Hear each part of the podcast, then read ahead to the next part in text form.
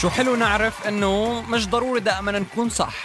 عادي ممكن جدا أنا أتخذ قرار أو أعمل شغلة وتكون غلط. على فكرة أحلى شيء لما الواحد يتقبل هيدا الموضوع مشان ما يحس بذنب كبير. كلاتنا بنغلط يعني مش ضروري أنا كل قرار اخذه وكل فكرة أفكر فيها تكون هاي صحيحة 100% أسوأ شيء تتعامل مع شخص بفكر حاله هو صح دائما. ففكر فيها اعكسها لحالك أوكي معناتها أنا ممكن أغلط عادي. أنا بغلط. كل الناس بتغلط. ولكن الفرق إنه أنا لما بغلط بتعلم من غلطتي.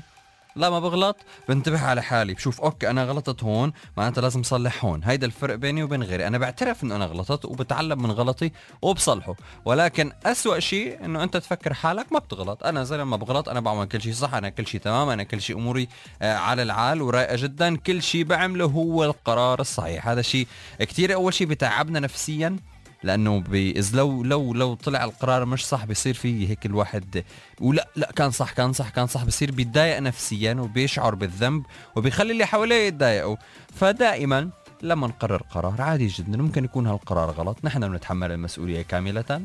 وممكن نصلح إذا كان غلط وعلى العال وإذا كان صح يعني يلا ممتاز وعلى العال والحياة حلوة وأحلى من هيك ما في مساكن ولا أحلى من هيك. عم تسمعوا 99 العربية الموسيقى اولا. تحية خاصة جدا جدا جدا للميا. لميا يا لميا لميا لميا قدرت تبعت خمس رسائل ورا بعض. نون ستوب لميا حققتي إنجاز رهيب. أنت فمناديك يا الغنية الحلوة. إن شاء الله تكون الجائزه من نصيبك. مساكي ولا أحلى من هيك. عم تسمعي 99 العربية الموسيقى اولا.